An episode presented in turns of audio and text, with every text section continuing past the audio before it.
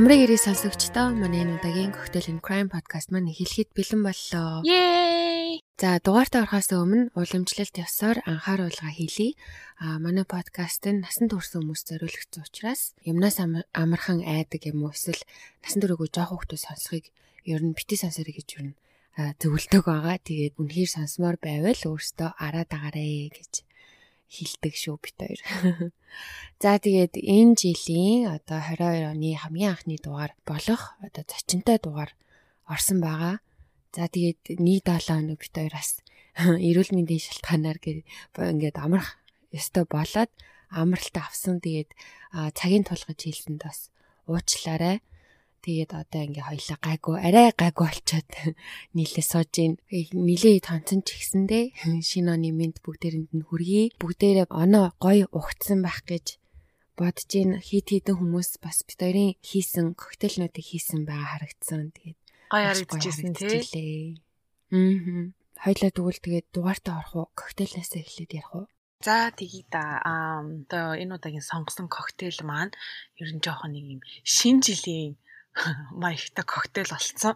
Жохон цагаан андуураад оройтод гаргаад ирвүүдэй гэж бодлоо. Гэхдээ маш амттай гоё санагдаад сонгосон байна. Коктейлийнх нь нэр нь болохоор Chambord Royal гэдэг нэртэй тийм коктейл байгаа. А энэ коктейл нь болохоор Chambord гэдэг Black Raspberry буюу одоо юм хар бөөрөлцөгний ликер байгаа.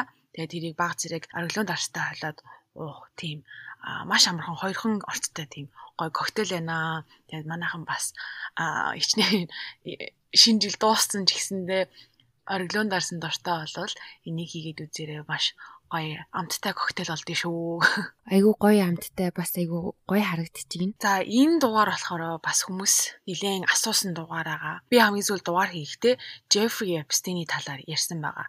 Тэгээ маш олон хүний хүсэлтээр мөн өөрөө ч гэсэндээ бас мэдмээр санагдаад Jeffrey-гийн найз бүсгүй одоо сайн найз болон баруун гар Ghislaine Maxwell эмгтийн талаар ярихаар өнөөдөр бэлдсэн байна. Тэгээ ер нь бол өмнөх дугаарыг сонссон сонсогч нар маань бол мэдж байгаа бах яг ямар учиртай, ямар хэрэгт холбоотой гэдгийг нь бол мэдж байгаа. Тэгээ энэ дугаараараа уламжлалт ясаараа бэкграундыг нь судалж ярьдаг байгаа. Тэгээ Glenn-ийн тухай өнөөдөр ярихаар бэлдсэн байна. Glenn-ийн бүтэн нэр нь Ghislaine Noel Marion Maxwell гэдэг байгаа. Тэрээр 1961 оны 100 сарын өдөр буюу 12 сарын 25-нд айлын 9 дэх хүүхэд болон мэндэлсэн байд. Нь айлын баг бөгөөд хүний ээж нь Франц гаралтай эрдэмтэн хүн харин аав нь тухайн үеийн одоо Чехословак гаралтай тийм Английн том хэвлэл мэдээллийн бизнесмен байсан байгаа.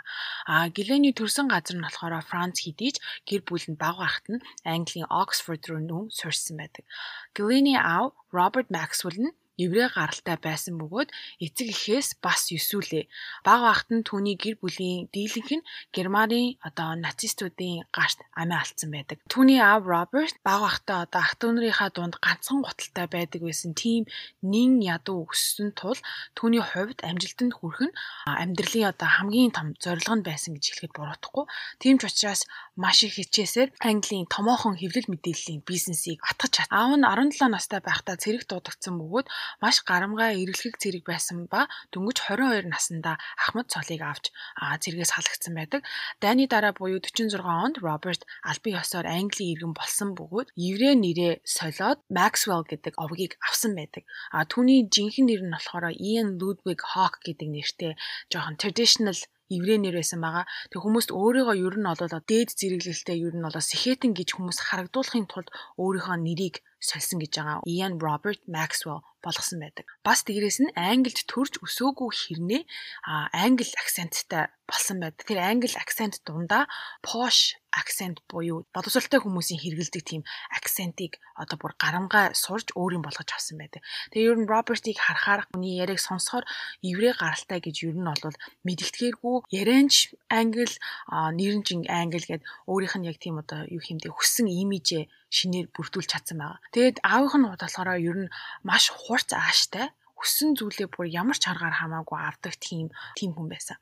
А аавынхаа ачаа Гелени гэр бүл юугаар ч тотлого өссөн. Хүүхдүүд нь хамгийн сайн сургалттай, хамгийн нэр хүндтэй гих бүх сургуулиудыг дөргөж бүгдээрээ дээд боловсролыг эзэмшиж чад чадсан. А Гелени амьдардаг байсан одоо гэр бүлээрээ амьдардаг байсан тэр харш нь 53 өрөөтэй тийм маш том хаус хийсэн гэж байгаа. Төгс сурвалжийн мэдээснээр албан ёсны цол хэрэгэнгүйч гэсэндээ Гэлэний гэр бүл одоо Royal буюу хааны удам мэт тийм баян тансаг амьдралтай нэр хүндтэй байсан гэж байгаа байхгүй нэ англи. За Гэлен төрөөд дөнгөж 2 хоногтой байхад хамгийн том ах болох Майкл нь автомашины осолд орон комд орсон. Энэ харамсалтай явдал нь Гэлэний гэр бүлийг маш хүнд цохилтонд оруулсан байдаг. Ах нь комд ороход тэдний гэр бүлийнхэн одоо горилго тасралгүй сэрхийг нь 7 жил хүлээсний эцэст харамсалтай нахаа хизээд сэрэлгүй нас барсан. Майклгийн ах нь аавтай нь юу нэлээд дототон нээсэн. Тэгээ аавынхаа дараа бизнес болон гэр бүлээ авч явах ер нь айлын нуган үр байсан учраас гэр бүлийн хамаг анхаарлаа түүнд төвлөрсөн. Сүүлд Гилэний ээж нь өөрийнхөө амьдралын тухай ном бичсэн байдаг. Тэгээд тэр номон дээрээ дурдахдаа том хүн ингээ осолд ороод комд ороход Гилэн төрөөд удаагүй байсан. Тэг хамаг анхаарал одоо хүүрүүн явсан учраас Гилэний сэтгэл зүйд бас нэлээд хүнд цохилт өгсөн гэж өөрөө бичсэн байлээ. Тэгээ тэр сэтгэл зүйн өөрчлөлтөөсөө болоод бүр 3 4хэн настай байхдаа anorexia-тай байсан. Anorexia гэдэг нь юу вэ гэхээр одоо хоолны дуршилгүй болж турж эцдэг тийм эмгэг байгаа. Тэгээ энэ эмгэг нь ер нь бол шууд сэтгэл зүйтэй шууд холбоотой. Жохон бахт ерөөсөө хоол иддэггүй, хоолны дуршил авахгүй бүр тийм сэтгэл зүйн өөрчлөлттэй байсан баг. Мөн ээж нь тэр номондоо бичихтэй өөрийнхөө нөхрийгтэй гэлэний аавыг ер нь хатуу хүн байсан ба өөрийн удирдлагын доор ажиллах хүмүүсээс эхлээд хүүхдүүдтэй хүртэл маш хада хатуу шүүмжлэлтэй ханддаг байсан гэж. Аа хичнээн хатуу юм шаардлага өндөртэй аав байсан хэдий ч ганц аавыгаа атгах чаддаг хүн тэр бол Гленэс айлын баг охин. Айлын баг байсандаа ч тэр үү эсвэл ах нь нас барсны дараа аав нь охиноо ингээд анзааралгүй 7 жил ингээд хайцсандаа санаа зовоод ч юм уу те Глений одоо бүр бүх юмыг нь зөвшөөрдөг, хүссэн юмыг нь авч өгдөг, хүссэн газар руу нь явуулдаг тийм айлын эрх баг охин байсан байгаа. Glenn их сургуулаа төгсөөд аавынхаа эзэмших олон компанид төрөл бүрийн ажил хийж эхэлсэн. Ихэнх компани нь хэвлэл мэдээллийн компани байсан бөгөөд Glenn-ийн аав нь Английн хэвлэл мэдээллээс цаашлаад бүр Европ болон Америк ТV-г одоо эзэнхийг хүссэн байгаа. За тэгээ тэр хүсэлтэд хөтлөгдөн 1991 оны 1 сард Нью-Йорк хотын сонин болох Нью-Йорк Daily-г худалдан авдаг. За ингээд Гилейн болон түүний гэр бүл одоо Америк руу ингэж орж ирсэн байдаг. За Гилейний аав нь маш их хөрөнгөтэй хүн байсан ч хамгийн хайртай нандин тэр өмч хөрөнгө нь Lady Ghislaine гэдэг нэртэй усан онгоц байсан. Тэр усан онгоц нь бүр амар аврах том дотроо жимтэй, бассейнтэй бүр диско клубтай байсан гэж байгаа байхгүй. Тим амар том гэв төсөөлөд үзтээ бүр. За тэгээ Нью-Йорк хотын сонинг аваад 9 сарын дараа тэдний гэр бүлд харамсалтай нэгэн зүйл тохиолддог. А тэр нь түүний аав нь зуурдаар нас орсон байгаа. 91 оны 11 сард аав нь тэр онгоцон дээрээ Lady Ghislaine гэх усан онгоцоороо ганцаараа амралтанд явхаар болдог. Тэгээ усан онгоцны ажилчдын мэдүүлснээр Роберт маш өөдрөг сайхан ааштай байсан тэр өдөр гítэл маргааш өглөө нь түүнийг хагаад олоогүй учраа цагдаагийн байгууллагатай холбогдсон түүнийг хайх үйл ажиллагаа эхэлсэн байдаг. Тэгээ өдөржингөө хайсны эцэс тэр оройноо аавынх нь цогцыг далаад хөвж байхад нь олж задлан шинжилгээгээр зүрхний шигдээснээс болон нас барсан гэж тогтоосон байгаа. Ихэнх хүмүүс одоо түүний үхлийн шалтгаан нь зүрхний шигдээс гэдэгт бол итгэж байсан. А зарим нь болохоор магадгүй амиа хорлсон байж болцсошгүй гэж үзсэн. Яагаад гэвэл хитрхи амир юм баян хүмүүс чинь ер нь яг нөгөө мөнгөөр бүх зүйлийг орлуулах гад явсныхаа дараа сэтгэл зүйн өөрчлөлтөнд ороод их ганцаардаг байсан ч юм билүү. Тийм болоод амиа хорлсон байж магадгүй гэж зарим хүмүүс боддtiin билээ. А гэхдээ ганцхан хүн Гилейн ганцаархнаа аавыгаа хүний гарт амиа алдсан гэж одоо хүртэл итгэдэг. Мэдээж маш их эрх мэдэл хөрөнгөтэй бас дээрээс нь төрөнд дурдсан шиг ширүүн ааштай одоо яаж ч хамаагүй өөрийнхөө хүссэн зүйлийг өөрийн болгож авч чаддаг учраас магадгүй дайсан ихтэй байсан бах Гилэн аавыгаа хүний гартнаас орсон гэдэгт бол баттай итгэдэг байж магадгүй. За ингээд аав нь нас барснаас сар гармын дараа тэдний гэр бүлд бас нэгэн том зүйл тохиолддог нь аавынх нь лувер гарч ирдэг. Маш олон компанитай амар баян байсан. Тэгсэн чинь аав нь ажилчдынхаа тэтгэврийн сангаас 763 сая англи паунд буюу 1 тэрбум ам долларыг эзэн байдаг. Тэгээ яг юунд одоо зориулсан нь бол тодорхой бус. Гэхдээ ажилчдын тэтгэврийн сангаас тийм их мөнгийг одоо луурдаж гаргаж авсан байгаа. За тэгээ энэ явдлаас болоод Англи дахь компанийн дампуурч гэр бүл нь хөрөнгөө алдсан. Тэгээ тэр амьдардаг байсан 53 өрөөтэй орд харш болон дотор байсан тавилга гих мэт одоо ер нь бол үнд хүрэх бүх зүйл нь дуудлах худалдаанд оруулан одоо тэр ажилчдын хохирлыг барагдуулсан байдаг.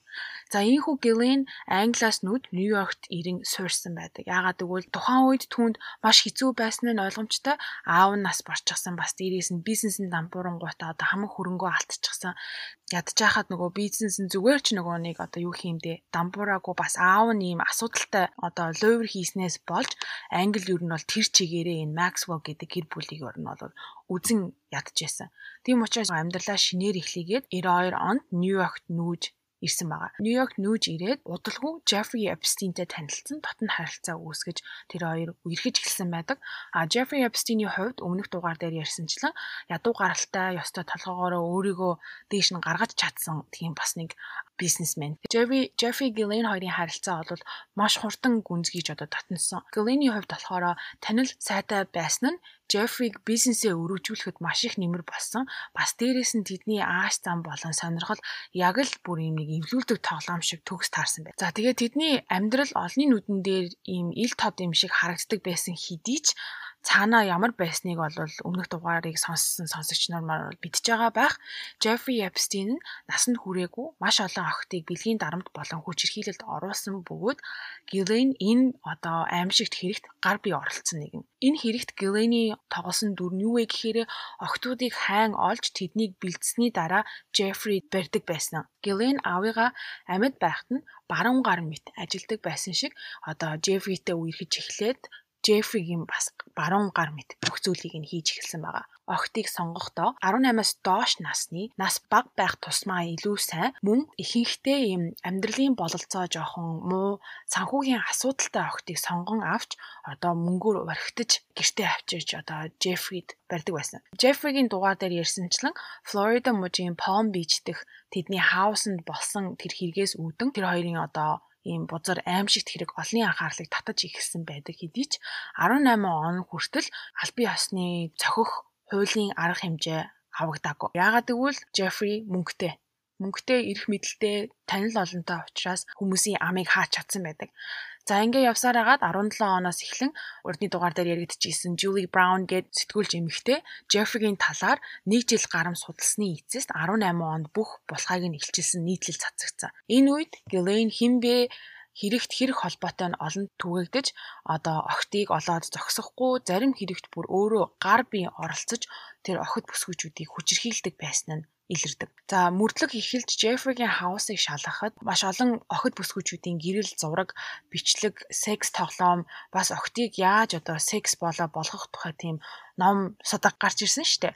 А энэ бүх нотлох баримтан дээр нэмэгдээд гараар бичсэн талуун шиг тийм цааснууд гарч ирсэн. Тэр цааснууд дээр Jeffrey болон Ghislaine хоёулаа бичсэн байсан бөгөөд тэр цаасан дээр юу гэж бичсэн бэ гэхээр яг одоо нэг ясан дээр ирж хүчрхийлүүлсэн охтын нэр, нас бас тэдэнд хідэн төгрөг өгсөн талаар юм детальлан бичсэн тийм цааз гарч ирсэн гэж аахгүй. Тэгээ хохирч нарын мэдүүлснээр Гилейн зарим охтыг ёс босоор оролдож, Джеффри харин жууд нь харж зогсон таашаал авдаг байсан гэж мэдүүлдэг байгаа. Jeffrey-гийн дугаар дээр яригдсан эгчдүү хоёрыг хүчирхийлсэн гэдгсэн штэ. Mary болон Annie Farmer гэх эгчдүү хоёрыг хүчирхийлсэн байдаг. Gillian Jeffrey хоёр Mary-г өөр дээрээ ажилуулж байх хугацаанд Mary охин дүүгийнхаа талаар ярьдаг бөгөөд удахгүй ахлах сургуулаа төгсөх гэж байгаа. Бид нэр коллеж хайж байгаа гэхэд Gillian бүр маш урайлахан Жефритай ярилцъя. Бид хоёр танаа дүү та хоёрыг одоо боловсралтай болоход тусалмаар байна гэсэн учраас Ани гих 16 настай дүүгээ Гилен Жефри хоёртой танилцуулсан байна. Ани сүүлд өгсөн ярилцсан дээр хэлэхдээ хэд хэдэн удаа болсон сонин явдлуудын талаар ярьдаг байгаа. Нэг удаа Гилен Жефри тэр гурав кино үзэхээр явсан. Тэгээ кино театрт ороод Гилен Жефригийн өмдийг доошлуулан бэлэг эрхтнийг нь оролдож байсан бөгөөд Жеффри хажуудаа суух Айнигийн хөл болон гуйыг илэн одоо таалж байсан гэдэг. Тухайн үед Айни яахаа мэдэхгүй ингээ гацаад зүгээр юу ч хийж чадахгүй киногоо үзээд сууж исэн гэж өөрөө хэлдэг. А тэгээ иймэрхүү байдлаар маш олон удаа одоо тийм бузар босромог зүйл хийдэг байсан нь тэр Julie Brown гих сэтгүүлч эмэгтэйн ачаар илэрч 18 онд Ghislaine Jeffrey хоёрыг хариуцлага хүлээхэд хүргэсэн. Тэгээд энэ Jeffrey Ghislaine хоёрын харилцааг харахад яг найз бүсгүй гэвэл биш хоёулаа ийм open relationshipтэй юм шиг одоо хүссэн хүмүүстэйгээ уулзаж учирч явдаг. Гэхдээ ер нь бол пари болгон дээр л хамт явж идэг, амралтанд хамт явж идэг тий. Ер нь бүх юмыг хамт хийдэг байсан. Тэгснээ хоёулаа тустай амьдардаг. А гисэн хідийч Гилейн Джеффригийн бүх зүйлийг нь хийдэг. Джеффри чинь маш олон хаустай, тэгэл маш олон тийм эдлэн газартай байсан.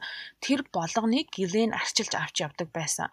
Бүр одоо тоогоочоос нь эхлүүлээ гэрийн үйлчлэгч хүртлийг нь одоо олдог бизнесүүдийг нь зохицуулдаг байсан байгаа. Тэгээ Гилейний зохицуулдаг байсан ажлуудын хамгийн чухал нь мэдээж охтыг олох байсан ба зарим хохирогч нар нь насанд хүрсэн эмэгтэйчүүд байсан. Тэгээ өмнөх дугаараар дурдсан шиг Жеффи массаж хийх маш дуртай байсан бөгөөд сүүлд хохирогч нарын мэдүүлгээс харахад тэр охтуудаас дандаа ёс бус массаж хүсдэг бас өөрөө ч гэсэндээ тэр охтуудыг массажлж таашаал авдаг байсан. Жеффри Гилейн хоёрт массаж өгдөг байсан. Хоёр эмэгтэй сүүлд одоо өөрсдийнхөө түүхийг хуваалцсан энэ хэрэгт оролцдог байгаа. Teresa Shantag хоёр эмэгтэй Жеффри Гилейн хоёрын гарт хэрхэн хүчрхийл ламсан талаараа одоо ярилцсан дурдсан байдаг. Тухайн үед Гилейн тэр хоёр эмэгтэйтэй хамгийн түрүүнд танилцсан.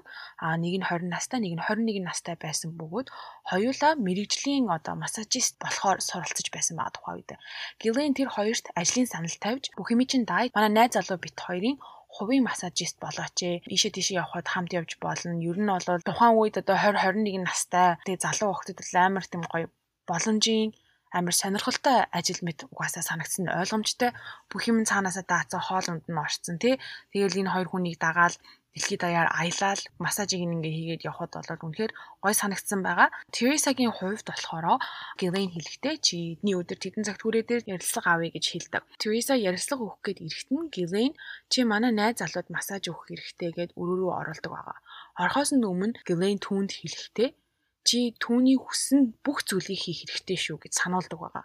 Тереса бүсгүй өрөөнд нь ортол Джеффри миний хөлийг байргингуудаа шууд өвөр дээр нь хөлөө тавьж жоохон юм захирангуй эвгүй санагсан ч гэсэндээ ажил гэж бодоод хөлийг нь барьж эхлэхэд Джеффри ба багаар ойрцоор түүний хацыг барьж авснаа амар сони юм хэлсэн хэлсэн нь буйлаа гаргаж инээдэг эмгтээд үргэлж итгэж болно гэж би боддог гэж хэлсэн. Тересад амар эвгүй санагдаа дөнгөж ингэж танилцсан хичнээн одоо хувийн массажист нь болох ч байгаа ч гэсэндээ бас тодорхой хэмжээний professional тийм зан байх ёстой. Гэтэл шууд ингээ нүрийг нь барьж авангуудаа тийм сонин зүйл хэлэхэд нь тэр байдал нь эвгүй санагдаад шууд босоод өрөөнөөс гарахыг завдсан ч Джеффри араас нь барьж аван бүсгүйг тэр өрөөнд хүчинсэн байдаг. Өрөөнөөс гарч явхаас өмнө Жеффри түүнийг сүрдүүлсэн учраас Тереса бүсгүй энэ явдлын талаар цагтаар ерөөсөө мэддэггүй. А харин Шантау гих бүсгүйгийн хувьд болохоор массаж хийж байхад нь Жеффри гинт дээшээ харж хөвтснээ чамайг массаж хийж байхад би өөрийгөө хангаж болох уу гэж асуусан байгаа. Тэр бүсгүй яахаа мэдэхгүй гацсан. А хамгийн анхны удаа тийм юм болсон хэдийж тэр бүсгүй хит хитэн удаа Жеффри массаж хийж өгсөн байдаг. Бас дээрээс нь тухайн үед хит хитэн удаа хүчирхийлэлд өртсөн. Тэгээ сүүлд ярилцлаганд өсгөөс чи яагаад Джеффри дээр дахин дахин очисон юм бэ гэж асуухад миний хүүхэд нас тийм ч жаргалтай байгаагүй. Хүчирхийлэлээр дүүрэн байсан болохоор ер нь миний хувьд тийм нормал энгийн зүйл санагдчихсэн учраас олон удаа буцаж очисон байх гэж ярьсан байгаа. Тэгээ энэ олон бүсгүүчүүдийг олохын тулд Глений хэрэгэлдэг арга барил нь юу вэ гэхээр найз мэд хандаж октоудтай дотносож тэдний итгэлийг олж авсныхаа дараа хүчирхийлэлээ үйлддэг байсан. Джеффри олон газрын эдлэнтэй их хөрөнгөтэй байсан бөгөөд түүний хамгийн одоо том эдлэн гэх юм уу да Карибын тэнгист хувийн арал байсан. Бодод үзтээ тийм балер баянтэй бүр өөрийн гэсэн хувийн аралтай Гилен Джеффри хоёрын үйлцэн тэр их аимшигт хэрэгүүд нь тэр хувийн арал дээр болдог байсан. Бөгөөд байнга үдшилэг зохиодог байсан ба зочд нь бидний одоо мэдих алдартай жүжигчин дуучнаас эхлээд Английн ханхуу хүртэл байдаг тий. А өмнөх дугаар дээр дурдсанчлан Donald Trump, Alec Baldwin, Английн ханхүү, Andrew гих мэт маш олон олонний танил хүмүүс дандаа парины зочид болон ирдэг бай. Гэхдээ тэр парины гол зочид нь болохоор залуу охид бүсгүүчүүд байсан ба тэдгээр одоо олонний танил хүмүүст одоо нэг ясандаа хүчирхийлүүлдэг байсан байгаа.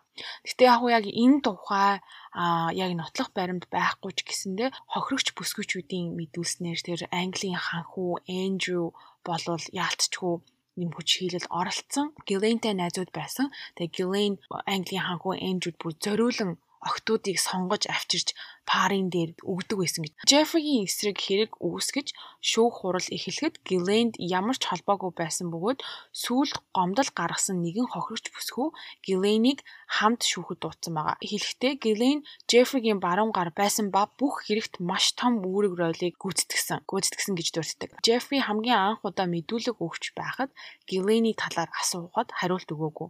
Уул нь чинь цагдаагийн байгууллагт ингээ аль бие осны тангараг өргөөд мэдүүлэг өгж байгаа бүх үннийг хэлэх ёстой. Гэхдээ Jeffrey хариулт өгөөгүй. Тэгээ мэдүүлгийнх нь бичлэгийг ингээ харахад ихэнх асуултанд хариулахдаа pleading Fifth Amendment гэж хэлдэг байгаа.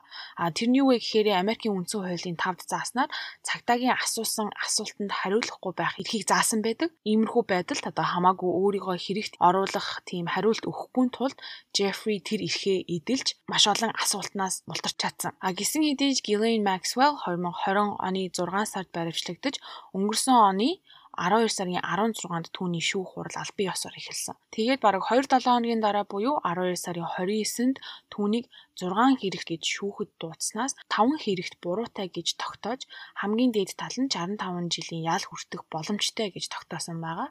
Одоогоор түүний ялыг тогтоох шүүх хурал энэ жил буюу 22 оны 6 сарын 28-нд товтлогдсон байна. Өмнөх дугаард ярьсан шиг Jeffrey Epstein камертаа нөгөө нас орсон шүү дээ. Амиа хорлсон гэж тогтоогдсон хэдий ч маш олон хүмүүс хүний гарт амиа алдсан байх гэж бол магадлал дэвшүүлж байгаа. Тимээс Гиленийг бас ялаа хүртгэхээс өмнө амиа хорлох ч юм уу эсвэл Гилен рүү хин нэгэн дайрах үе гэдэг шалтгаанаар 24 цагийн турш түүнийг бол хяналтанд байлгадаг. 15 минут болгон одоо хянагч нь хурж шалгадаг гэж байгаа байхгүй 24 цагийн турш. За тэгээ ер нь маш олон сэтгүүлчд болон хүмүүс хэлэхдээ Гиленийг Джеффрид маш их хайртай байсан учраас түүний бүх одоо хүссэн зүйлийг ямар ч галзуу юм асуусан жоохон насанд хүрээгүй охтуудыг авчирж ирмээгээд тиймэрхүү зүйл асуухт нь ямар ч одоо эсэргүүцэл авахгүй бүх зүйлийг нь хийдэг байсан гэж үздэг юм байлээ. Бас дээрэс нь маш хөрөнгөтэй айлын хүүхэд багасаа тий тансгийн тансгийг хэрэглэж өссөн. Гэтэл гинт аав нь нас ороод хамаг хөрөнгөө нэгэн сарын дотор юу н алдсан штэ. Тэгээ тэр тансаг амьдрал хангалуун амьдралаасаа салахыг хүсээгүй учраас Джеффритэй дотносож Джеффри ч бас амар балер баян байсан юм чинь тэр амьдралаа буцаж авахын тулд юу нь болвол энэ охтуудыг болвол золиослсон гэж ер нь зарим хүмүүс үздэг юм бэлээ. Бага насыг нь харахаар яг тийм бүр амар хүнд trauma, хүнд асуудал, тийм хүнд амьдралтай байгаагүй хэдий ч бага бахт нь тэр анхаарал тавиагүй улмаас бас сэтгэл зүйд нь нөлөөсөн болов. Тэгээ ингээ харахаар одоо ийм олон охид бүсгүүчүүдийг насанд хүрээгүй хүүхдүүдийг авчин тэг ингээд өөрөө ч бэлгийн хүчирхийлэл үзүүлээл найз залуугаараа ч гэсэн хүчирхийлэл үзүүлэхэд ямар ч тийм хүнийг өрөвдөх сэтгэлгүй болцсон юм уу? Тэг ингээд зураг мургийг ингээд харахад нөгөө нүднээс нь амар харагддээ штэ. Гленийг ингээд харахаар нэг юм тийм амар хоосон санагдсан надаа. Цаанаа ингээд юу ч яахгүй ямар ч тийм нөгөө нэг юу хийндээ сэтгэл байхгүй юм шиг амар харагдсан. Бас дээрэс нь ингээ ботход амар тийм insecure буюу өөртөө итгэлгүй Jeffrey-гийн гарт орчихсон тий бүх юмыг нь хийдэг.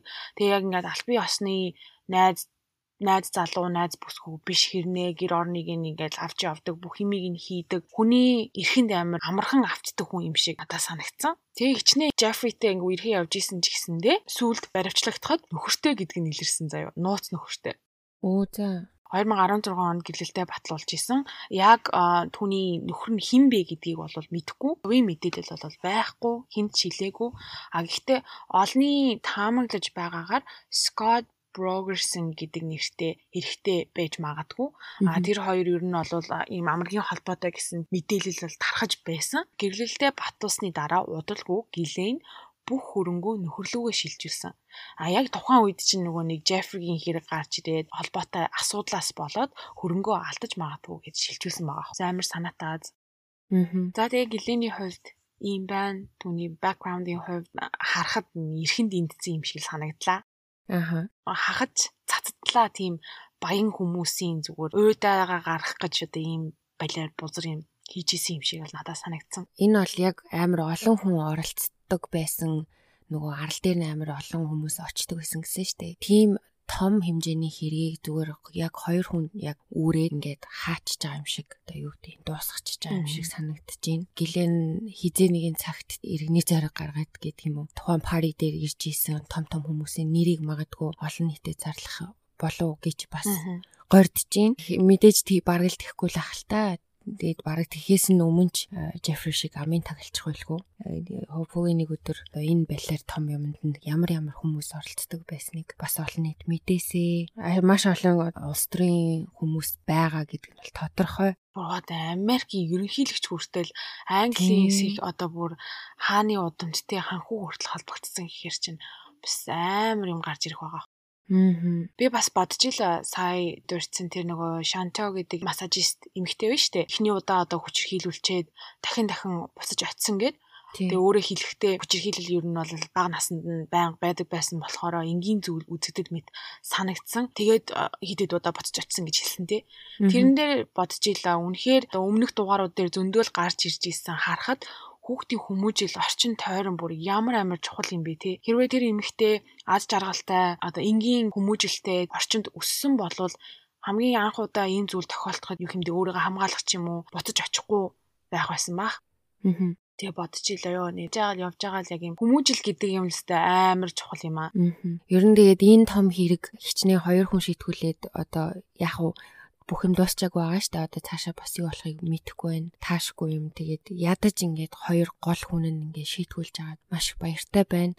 Тэр хохирогчтон ч гэсэн ихнээсээ сэтгэл зүйн хувьд тэгээ жоохон ч гэсэн одоо имжлэгдэж байгаа байх гэж найдаж гин. Одоо энэ үйл явдал тэднэрт жоохон ч гэсэн тайвшрал авчирч байгаа болов уу гэж найдаж гин. Бусад тэр аимшигын хүмүүсээ нэрийг л амьд зэрэг байгаа дээрээ зарлчаастай л гэж маш ихээр хүсэж байна. Ямар ч хэсэн энэ том хэргийг зоригтойгоор барьж ав. Энэ их мэдээллийг бас төгшөөлгөө цуглуулж маш цэгцтэй ойлгомжтой гоё ярьж өгсөн. Чамдаа бас баярлаа. Би ч нөө урд нь хэлжсэн тойролгүйгээдсэн гэд.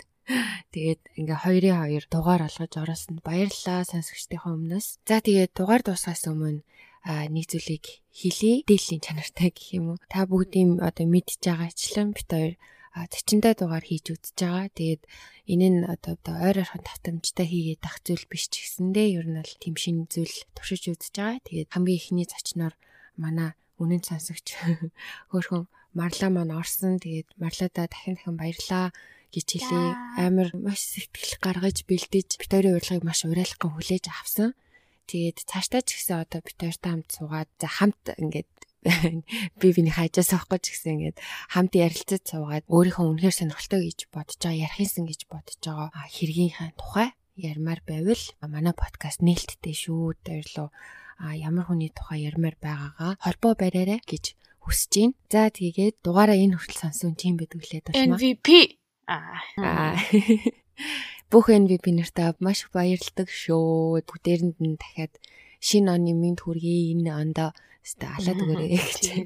Амжилт. Тэгээд гэсэн бодсон тийм шин зүйлс байгаа. Бодсон зүйлсээ удахгүй хэрэгжүүлээд эхэлнэ гэдэгт итгэж байна. За тэгээд дараа дараагийн дугаар хүртэл баяр таа.